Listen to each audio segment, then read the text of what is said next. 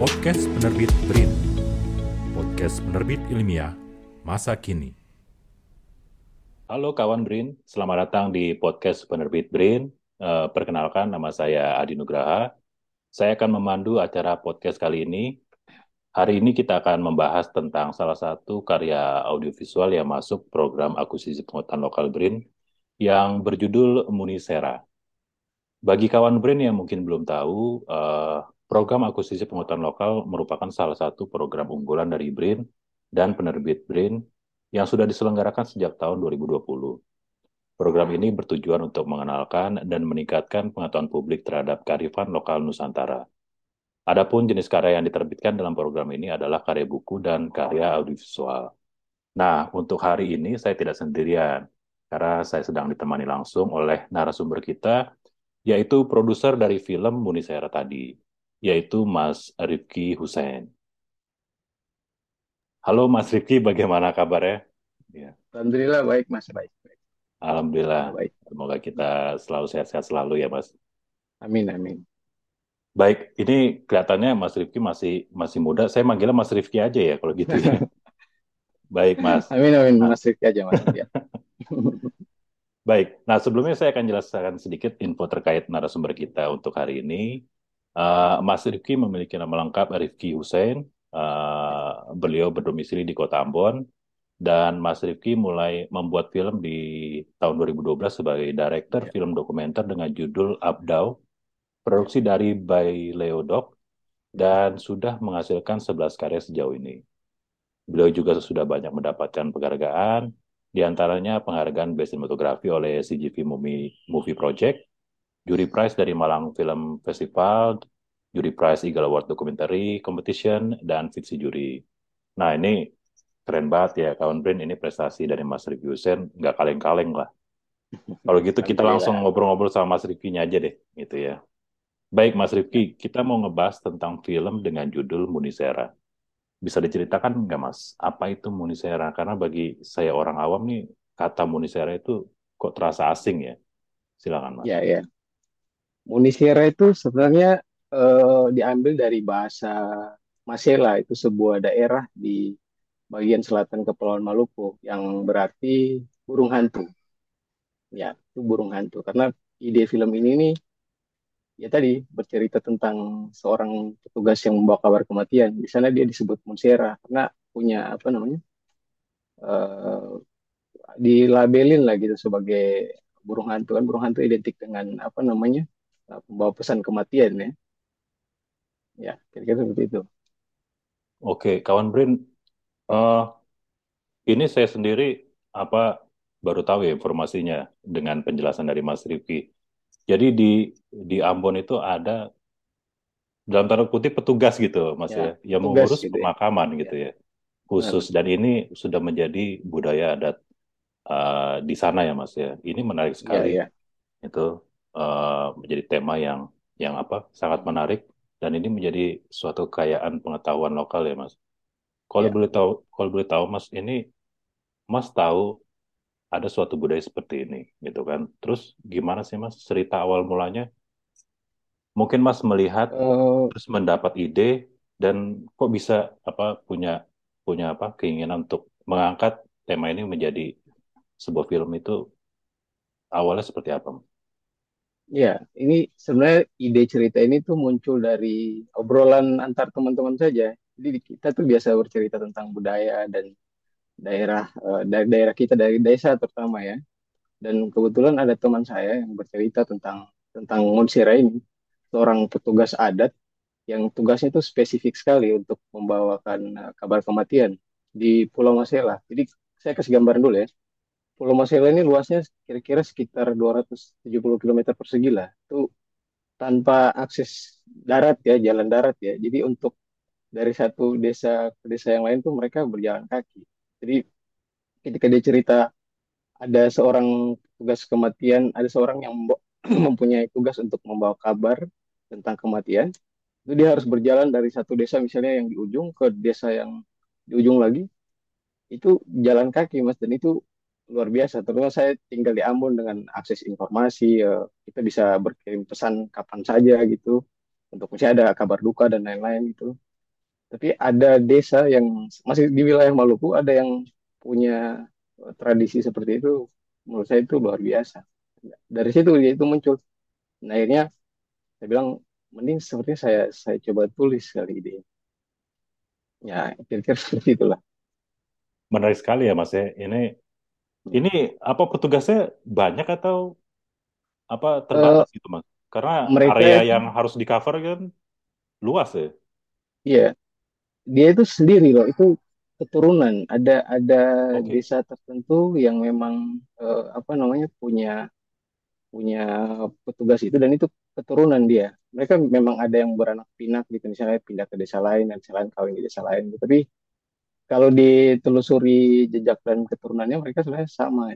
Dan itu di, diwarisi biasanya. Kalau misalnya eh, bapaknya dulu Munisera, maka bapaknya setelah meninggal pasti eh, tugas itu turun ke anaknya. Gitu. Dan itu masih Oke. masih berlangsung sampai sekarang. Jadi turun temurun eh, dari orang tua mempersiapkan nanti anaknya bagaimana Ya, me- apa melanjutkan eh, ada tradisi ini ya Mas ya. Ya, ya. Dan dan itu dengan area yang harus di cover itu luas dengan dengan Ya, apa transportasi terbatas juga ya Mas ya. ya kalau kalau sekarang mungkin ya sudah ada jalan kan Ma- masih lain sebenarnya daerah eh, migas Mas kalau pernah dengar mungkin itu blok Eh, migas Blok Masela itu. ya blok Masela itu Iya. kita kita beneran eh, syuting di daerah itu Mm. jadi dulu tuh betul-betul belum ada jalan kalau misalnya kita mau menyeberang dari satu desa ke desa lain tuh harus harus pakai transportasi laut gitu karena jalan daratnya tuh butuh waktu lama gitu dan biaya untuk menyeberang dari satu desa ke desa lain itu besar untuk eh, bensin itu sebelum itu 2017 ya lagi harga bensin sekarang mungkin nggak tahu seliter mungkin kayaknya tiga puluh ribuan kali mas kayaknya kayaknya ya Iya. saya Mm. 2021 Nah, itu biasanya kalau biaya itu ditanggung si keluarga yang apa eh, almarhum. Oh, enggak kalau petugas yang itu yang Munisera itu dia jalan kaki mas jadi untuk mengabarkan eh, berita kematian itu dia jalan jalan kaki melewati Hmm. pesisir kan desa-desa di pulau itu kebanyakan tinggalnya di pesisir jadi dia jalan mengitari pesisir itu eh, buat memberitahu kalau ada keluarga misalnya di desa sebelah yang jaraknya mungkin sekitar 7 kilo, desa paling terdekat ya. Dia akan ke situ dulu buat ngabarin, ah ada keluarga yang di desa sana, keluarga kamu tuh meninggal gitu. Kamu diminta buat datang atau mau nitip apa gitu, buat bantu-bantu gitu. Biasanya sih gitu. Oke. Nah, untuk apa eh, produksi filmnya nih, Mas? Ini proses produksi makan waktu berapa lama? Wah, eh, oh ya saya cerita latar belakangnya dulu ya. Jadi film ini tuh sebenarnya kita pitching, kita presentasikan buat eh, CGV. Eh, su- studio lah kayak Keswan gitu lah di Indonesia. Jadi si Givi itu nyari nyari film yang kira-kira eh, idenya unik gitu. Terus kita pitching dan akhirnya lolos. Kemudian ada proses sekitar eh, sebulan untuk eh, mendevelop eh, naskahnya, skripnya, dan akhirnya kemudian dibiayai gitu untuk kemasin. Saya, saya, saya dan kru tinggal di Ambon ya. Eh, kita harus eh, naik naik pesawat sekali ke Saumlaki, terus naik kapal sehari semalam dengan membawa peralatan. Krunya hampir 10 orang mungkin. Itu dengan Untuk budget Masela ini. untuk masalah itu. Dengan budget eh, 50-an mungkin kayaknya. Dulu memang produksinya produksi senang-senang gitu Mas. Jadi Kru ya 10 orang. terus 10 orang eh, dengan itu semua dari Ambon tuh 10 orang. Ada beberapa juga yang di kru-kru lokal dari Masela ya. Dan semua pemainnya itu case-nya kita casting di Masela. Jadi untuk eh, proses semua dari tahap awal tuh mungkin empat bulanan kali ya mas sampai beneran jadi filmnya film pendek itu dikerjain empat bulan Sampai yang tayang apa sampai eh, tayang di CGV ya CGV-nya. 4 CGV bulan. ya Oke. empat bulan Itu kawan Brin eh, kita bisa apa bisa tahu ya proses pembuatan eh, sebuah film itu eh, memakan waktu empat bulan dengan jumlah kru 10 orang. Ini sebetulnya jumlah krunya bisa dibilang ideal atau terbatas nih Mas. dengan jumlah kru 10 orang ini? Untuk fiksi sebenarnya terhitung lumayan ya sebenarnya untuk untuk fiksi. Biasa sih saya saya sebenarnya lebih banyak produksi dokumenter. Kalau di dokumenter tuh mungkin paling maksimal di uh, lokasi ketika produksi itu mungkin lima. Tapi kalau untuk Lima orang sedikit, saya lebih sedikit lagi ya. ya kalau untuk fiksi saya pernah tuh hampir 20 tuh fiksi. Ya. Jadi di Marcella masih kurang lah sedikit, masih 10 aja. Oke. Nah, Mas Rifki, tadi kan udah cerita, untuk ke sananya aja naik pesawat gitu kan. Ya, kebayangnya pesawat. gitu. Nih, lokasi pengam- pengambilan filmnya terbilang cukup terpencil gitu. Bisa share Hmm. tips-tipsnya nggak dalam proses produksi dengan kondisi lokasi seperti itu ya? Kadang kan kita apa dengan lokasi terpencil itu ada perbedaan eh, eh, budaya di masyarakat, eh, terus ada kondisi geografis yang mungkin menjadi tantangan gitu. Boleh di-share tips-tipsnya seperti apa gitu? Hmm, untuk lokasi itu sebenarnya karena teman tadi yang saya ceritakan yang yang punya ide yang dia cerita kalau daerahnya ada uh, Munisira itu dia turut terlibat dan membantu produksinya sampai selesai. Jadi kita uh, punya akses ke wilayahnya gitu. Dia Oh, juga koneksi orang dalam nih ya, jadi ada ya koneksi orang dalam. dalam ya benar. Karena dia dia orang beneran orang desa di situ gitu dan ketika kita bilang kita mau syuting masyarakatnya welcome gitu. Wah, ada orang datang mau syuting di sini gitu. Dia membantu semua dari proses pencarian talentnya, case-nya, eh, mencarikan apa namanya eh, transportasi untuk menyeberang ke sana. Karena gini mas, kalau untuk Masela itu kapalnya itu nggak menentu mas. Kadang kala tuh ya. ada, Iya. iya jadwalnya. Oh, pokoknya terserah mereka lah di ini. Kadang kala bisa ada, iya karena dia bukan kapal pemerintah kan kapal swasta-swasta gitu yang pemerintah kasih. Jadi mungkin subsidi kali ya dari pemerintah. Tiketnya juga lumayan sih inilah terjangkau 50 ribu. Tapi itu berangkatnya suka-suka mereka gitu. Kadang bisa, kadang bisa eh, tungguan seminggu. Jadi kita terakhir syuting tuh, sebenarnya udah selesai tuh. Saya hampir sebulan di Pulau Masela. Kita syuting tuh paling dari casing sampai itu cuma dua minggu kayaknya. Dua minggu sisanya itu kita nunggu kapal mas buat kembali. Jadi lamanya itu malah justru di eh, apa namanya proses eh, itu tadi buat pulang. Kayak Kalau saya sih eh, sarannya buat teman-teman misalnya yang misalnya mau produksi daerah terpencil, sebaiknya punya kenalan orang lokal sih, karena itu itu sangat membantu buat eh, akses dan apa namanya eh, kebutuhan kita di lokasi gitu. Beruntung kalau misalnya kita orang lokasi di situ, tapi kalau nggak ada, ya itulah perbanyak jaring dengan teman-teman yang ada di daerah. Koneksi orang dalamnya tadi itu ya, Mas. Ya, akamsi akamsi mas. Nah, nih kawan Brin, itu tips yang sangat penting sekali ya di-share sama Mas Rifki. Jadi, eh, itu sangat ideal banget kalau misalnya ada kawan Brin yang yang apa eh, mau proses mau produksi di suatu lokasi yang mungkin kawan Brin itu nggak akrab gitu kan baru gitu nah itu sangat ideal sekali malah mungkin diwajibkan ya Mas ya setidaknya punya punya orang da- orang orang sana handler lah gitu ya bahasanya ya Kamsi juga gitu nah itu sangat membantu sekali saat apa tim produksi itu apa namanya eh, entah nanti mau riset dulu di sana survei ke sana untuk tahu lebih lanjut dan nanti juga nolong saat proses produksinya Mas nah benar. tadi Mas Rifki sempat nyentil sedikit mengenai mengenai kendalanya di sana terkait Hmm. Nah, kendala apa aja lagi yang yang apa yang ditemui Mas saat produksi film ini? Hmm, kos yang pastinya ya perbedaan harga antara Ambon dan eh, Maluku Tenggara itu wah bisa tiga kali lipat mas. Jadi waktu itu tuh Ambon bensinnya tuh masih sepuluh ribu kayak di sekitar tahun 2017. Di sana tuh udah dua dua puluh lima ribu. Jadi Hmm. untuk kebanyakan tuh biayanya tuh habis buat eh, kos transportasi dan bolak-balik. Kita syuting juga eh, berbeda lokasi gitu. Eh, selanjutnya tuh air mas, air. Wah ini yang jadi sangat masalah buat kita problem banget. air bersih ya nanti. Air bersih ya. Jadi di sana tuh nggak ada air bersihnya mas. Mereka tuh berharap pada eh, air hujan karena daerahnya tuh Oke. beneran beneran karang gitu. Ada satu cerita lucu di sana gitu. Kita produksi.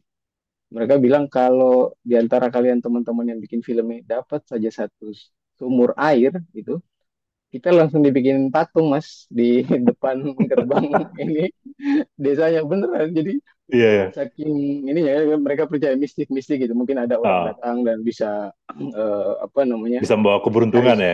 ya keberuntungan dan dapat Hmm. sumber air gitu. Jadi kalau dapat kita dibikin patung gitu. Jadi kayak orangnya betul-betul berjasa bagi pulau itu gitu. Ya, itu mungkin kayaknya kendala yang ini ya, air, air bersih. Jadi kita juga bawa membawa perbekalan air minum sekitar berapa, hampir 20 apa 30-an karton gitu kayaknya Oke. dari situ. Terus itu kita ya mandinya pasti mandi air laut. Itu udah tidak bisa Hmm. dibayangkan pasti mas gimana Lengket ya. kita di sana. Iya itu di situ. Tapi kita menikmati menikmati proses produksinya. Oke. Ya. Kawan Brin tadi dengar ceritanya Mas Rifki itu, ya kan? Nah, Mas Rifki tadi sampai bawa air bersih. Itu salah satu salah satu ini ya eh, aspek perencanaan. Mas Rifki mungkin udah tahu tuh di sana ternyata kesulitan air bersih sehingga Mas Rifki dan tim sampai harus bawa air bersih dan itu hanya untuk konsumsi aja nggak nggak nggak cukup Ya, untuk benar. untuk apa tadi mau mandi gitu kan Di, ada cerita cerita apa menarik juga tadi tuh kalau misalnya sayang Mas Rifki nggak ketemu sumber air ya kalau enggak udah ada Mas Rifki di sana ya. Benar. Iya. baik. Mas Rifki boleh uh, ada lagi nggak cerita-cerita mungkin yang menarik di sana? Karena uh, banyak teman-teman saya tuh kalau misalnya kebetulan uh, pernah ke Maluku gitu kan itu ceritanya tuh selalu kayak bikin ngiri kita-kita ini yang belum pernah ke sana gitu Mas. Nah, kalau terkait dengan produksi apa proses produksinya itu ada cerita-cerita yang apa menarik gitu Mas selama prosesnya. Oke. Kalau yang paling ini sih mungkin berkesan sih kayaknya penerimaan masyarakat di sana. Jadi kita di sana hampir nggak pernah eh, kelaparan lah gitu. Eh, datang ke mana pun tuh pasti di, diajak makan, diajak eh, Dijamu ya. ya dijamu lah segala macam. Terus mereka kan sumber daya ikannya juga melimpah ya. Ada ada ada tradisi yang unik gitu. Mereka pakai namanya itu tindis jaring gitu. Mereka apa namanya eh, bikin kayak daerahnya kan daerah Kok Meti itu bahasanya apa ya kalau? Ya, pas surut kali ya, surut ada surut terus pak pasirnya naik gitu kan. Di eh, apa namanya? Karena airnya surut, pantainya tuh jadi dangkal gitu. Mereka naruh jaring itu bisa berkilo-kilometer kayaknya itu jauhnya. Itu dari daerah kita ini bukan bukan mancing, bukan tombak tapi nangkap beneran dipegang itu ikannya. Saking tadi yang dangkala yang itu ya, Mas. ya saking dangkalnya dan dan itu luas gitu. Saya pernah memang di beberapa daerah di Maluku juga ada, tapi untuk yang seluas dan se kayak kita ditambak yang udah dikeringin gitu lah kita mengambil pilih. Jadi Tinggal dipilih jadi comot ikannya aja bukan ya. ya di kayak dipilih gitu. Ah yang ini kayak kurang enak gitu, yang ini kayaknya lebih enak gitu. Bener, bener sampai kayak gitu. Wah, hebat banget ya daerah kayak gini ya. Itu sih paling kayaknya yang yang menarik ya. berkesan ya. Ya. Nah, ini nah cerita-cerita kayak gini nih Mas yang bikin saya ngiri nih kan. Karena saya belum pernah ke sana gitu. Nah, ini kawan Brin nih. Ya, ya. Ini ini salah satu sedikit apa potongan cerita dari Mas Rifki. Bagaimana indahnya, bagaimana ramahnya, apa namanya eh, masyarakat kita. Walaupun eh, tempatnya terpencil ya Mas ya. Terus Ya. mereka juga hidup dalam keterbatasan, tadi air bersih gitu. Tapi nggak apa, Ya. nggak bikin nggak bikin mereka apa eh mungkin berkesusahan ya Mas. Ketemu Ya. ketemu tim Mas Rifki aja mereka dengan apa tangan terbuka dengan ramah gitu nawarin Ya. makan ini ini kan sangat luar biasa sekali ya. Baik Mas Rifki, eh, sedikit saja ini terkait dengan eh, teknis film ya Mas. Mas Rifki kan seorang sinias yang membuat film dokumenter juga sebelumnya. Nah, ini ada perbedaan apa sih Mas antara film dokumenter dan eh, film pendek? Oh iya. Eh saya cerita dulu ya. Sebenarnya untuk Munsiara ini awalnya saya mau bikin filmnya dokumenter gitu. Tapi karena eh, si petugas adatnya itu tidak mau gitu ketika kita datang dan coba apa namanya approach gitu mendekati dia gitu. Alasannya gini, Munsiara itu dia jadi semacam kayak apa ya? Bukan anekdot juga. Tapi mau bilang mau bilang apa labeling tapi dia konotasinya agak buruk gitu sana. Jadi kalau orang bayangkan manusia itu mereka bayangannya ini pasti dia datang bawa kabar kematian gitu. Jadi ketika Malah mau negatif. dibikin Hmm. dokumenter, iya negatif. Jadi ketika mau dibikin dokumenter dia jadi nggak mau. Padahal saya sebenarnya dari awal tuh minatnya harus lebih ke dokumenter gitu ceritanya. Karena dia nggak mau, akhirnya kita bikin fiksi gitu. Nah untuk perbedaan itu dokumenter itu lebih ke apa namanya basisnya realitas ya kalau dokumenter. Kita kita benar-benar memotret tokohnya, entah nanti secara alur dan ini kita desain sekreatif mungkin, karena kan banyak pendekatan sebenarnya dari dokumenter. Kalau saya lebih ke observasional, jadi menggunakan apa saja yang ada di dalam gambar itu untuk bercerita gitu. Ada kan bentuk yang ekspositori yang uh, orang bicara terus menjelaskan sebuah konteks gitu. Kalau saya lebih mengikuti uh, cerita hidup narasumbernya gitu. Jadi apa pun yang saya dapat uh, ketika narasumbernya beraktivitas, yaitu yang saya ambil dan saya ini jadikan film. Jadi terasa lebih asli ya mas ya? Ya, jadi terasa lebih asli. Itu pendekatannya pendekatan observasional. Sementara kalau uh, fiksi itu fiksi itu lebih ke apa ya? Dia bisa berdasarkan kisah nyata, basisnya bisa ya kisah nyata juga, tapi kan uh, kita membuat ada drama gitu, ada ada sesuatu yang kira-kira ketika orang menonton mereka merasa dekat gitu. Itu fiksi dia basisnya itu lebih ke apa namanya? Ya lebih ke ini hayalan mungkin, tapi bukan hayalan dalam fantasi ya. Uh, apa namanya? Kalau fiksi gimana? Inspirasi kalau, dari kalau ceritanya ya, Ya, inspirasi dari ceritanya lah. Kalau dokumenter tuh kita bikinnya tuh kesulitannya itu mungkin dari apa namanya proses uh, riset dan lain-lain ya ketika mendekati narasumber. Tapi kalau fiksi kan paling ketika produksi kesulitannya di teknis kali ya, pencapaian teknis cerita gitu. -gitu. Kalau dokumenter tuh kita nggak tahu kapan kita uh, produksi dan tiba-tiba narasumbernya meninggal gitu, ceritanya bisa saja mandek di tengah jalan. Jadi di dokumenter kita nggak beneran sutradara. Sutradaranya itu yang di atas gitu Tuhan. Sementara di fiksi kan kita benar-benar Tuhan ya gitu. Kita yang desain cerita dan apa alur dan kehidupan tokohnya seperti apa. Itu mungkin. Oke mas. Tadi Mas Riwi ngebahas ini film dokumenter sama film fiksi. Ini kalau kalau dilihat dari tantangannya mas itu lebih saya mana sih mas untuk apa uh, kalau dari mas Riwi untuk produksi itu lebih saya mana terus kalau boleh milih salah satu milih yang mana gitu. Tapi walaupun nih kayaknya saya juga tahu nih kalau milih yang mana nih kayak udah tahu nih. Saya dokumenter lah pasti ya saya orangnya dokumenter banget ya. Kalau dokumenter tuh dia apa ya karena kalau saya itu dokumenter tuh menikmati karena uh, ketika bikin fiksi tuh ya fiksi ya dia kita bisa membuat ceritanya gitu. Tapi di dokumenter tuh kadang-kadang apa ya kenyataan tuh bahkan lebih lucu dari fiksi sebenarnya ya. Kalau kita lihat-lihat ketika yang narasumber kita pikir wah dia akan begini gitu. Kita bisa menebak ini ternyata enggak, dia bisa muter ke mana ke sini. nah jadi aspek-aspek kejutan itu sebenarnya yang yang saya nikmati sensasinya ketika bikin uh, film fiksi apa film dokumenter gitu.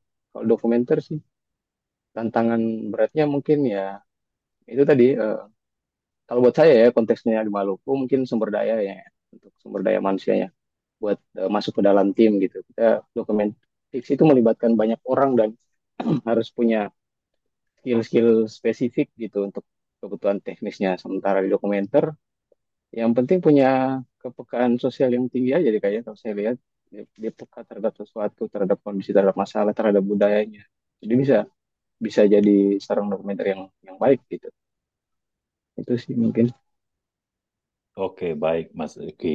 Uh, kawan Brin tadi Mas Rifki ngasih apa sedikit penjelasan mengenai passionnya. Itu film dokumenter itu seperti itu. Buat kawan Brin yang punya passion yang sama gitu dan apa tertarik untuk bikin film dokumenter langsung aja di apa dibuat gitu. Siapa tahu nanti merasakan hal yang sama juga dengan Mas Rifki tadi gitu. Nah, Mas Rifki, uh, saya mau nanya, ini film kan masuk dalam lolos ya, lolos dalam program uh, akuisisi pengetahuan lokal BRIN, ya. gitu. Nah, ini sebetulnya awalnya tuh gimana sih, Mas? Uh, Mas Rifki bisa tahu tentang program akuisisi pengetahuan lokal ini dan kemudian tertarik untuk mengerjakan karya ini, itu awalnya gimana ya tadi?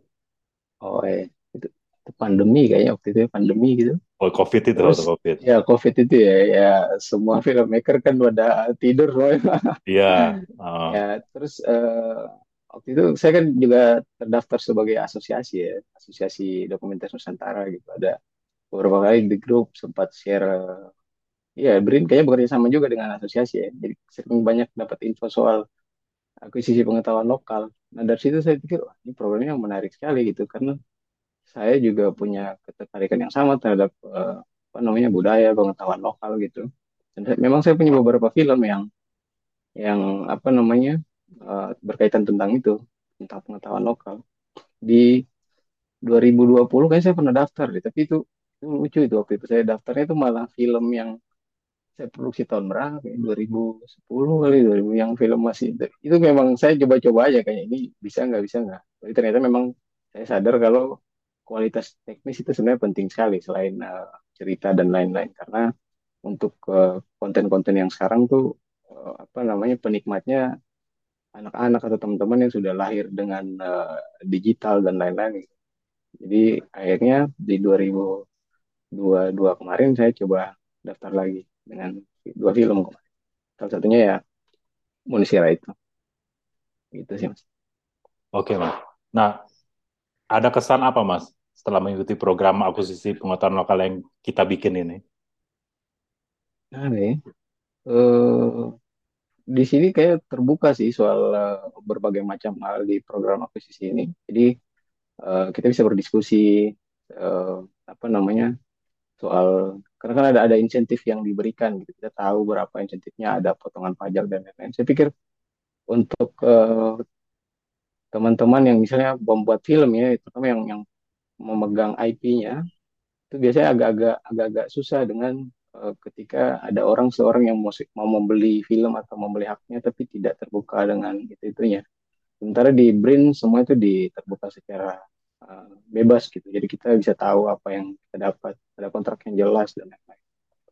Saya pikir itu sih dari segi itu dari segi ini ya untuk untuk ke saya. Tapi kalau buat secara apa namanya eh, motivasinya mungkin pengetahuan lokal akuisisi pengetahuan lokal ini bagus. Karena buat teman-teman yang eh, filmmaker yang filmnya sebenarnya sudah lama dan tidak bisa beredar di festival dia bisa submit saja gitu dan ikut berkontribusi gitu. Daripada filmnya tertumpuk dan tersimpan di harddisk banyak kan gitu mas. Filmnya banyak saya juga banyak gitu. Film tertumpuk di harddisk kita Punya mau stok, bagi. punya stok ini ya, ya banyak tapi nggak ini. Iya, mau share ke YouTube tapi nggak ada ininya. Mending dikirim ke aku pengetahuan lokal. Dapat duit iya, dapat insentif iya, dapat eh, ini juga. Jadi ada sesuatu yang bisa kita bagi gitu kepada masyarakat. Itu sih Oke, kayaknya. Mas.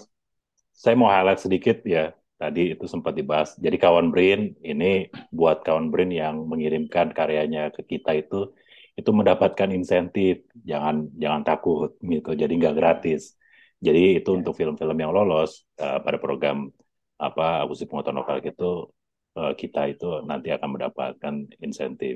Nah, Mas Rifki, kalau kalau kalau misalnya Mas Rifki apa diharapkan nih dengan kawan-kawan Brin itu itu ada pesan khusus nggak Mas untuk kawan Brin yang ingin mengikuti jejak apa Mas Rifki mengirimkan filmnya ke kita dan lolos gitu Eh, apa pesan khususnya buat kawan-kawan Brin? Eh, kalau kalau saya sih apa ya? Paling pertama sih punya film yang berkaitan dengan eh, ini dulu pengetahuan lokal.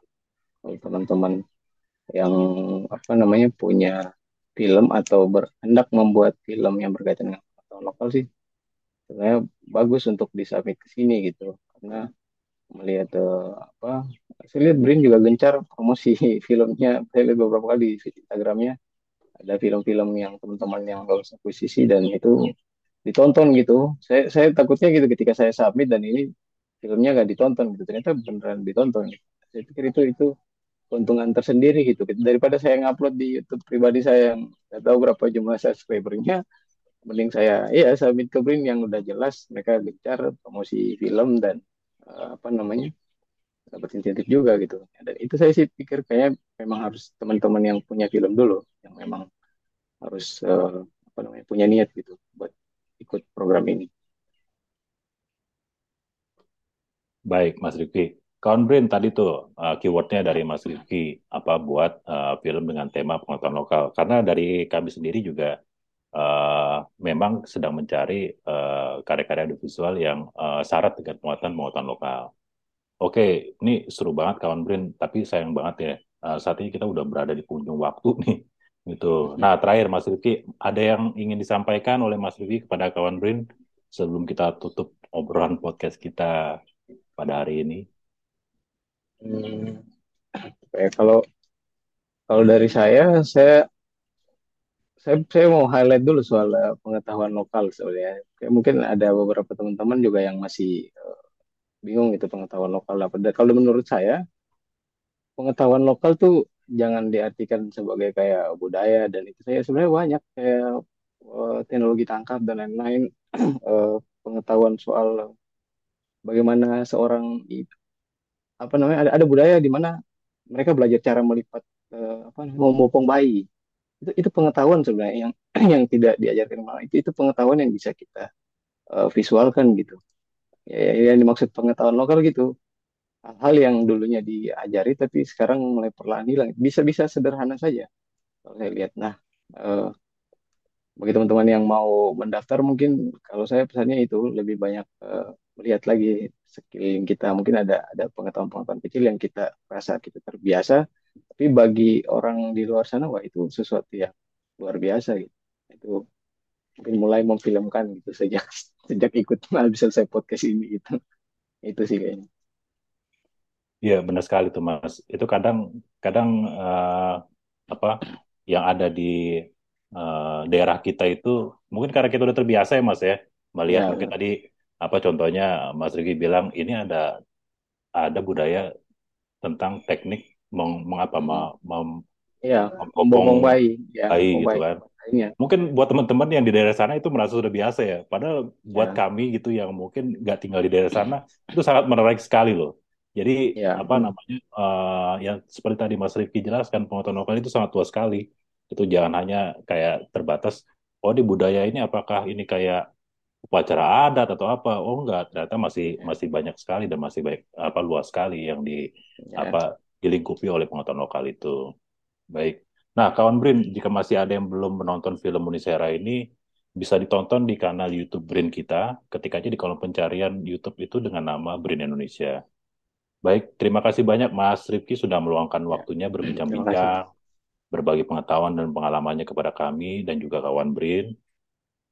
Oke, kawan Brin, semoga podcast kali ini dapat memberikan informasi yang bermanfaat kepada kawan Brin sekalian.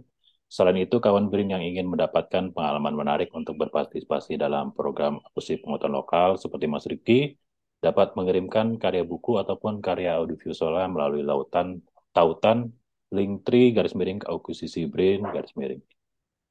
Sekian podcast kali ini, nantikan terus podcast episode selanjutnya. Sampai jumpa. Podcast Penerbit BRIN Podcast Penerbit Ilmiah Masa Kini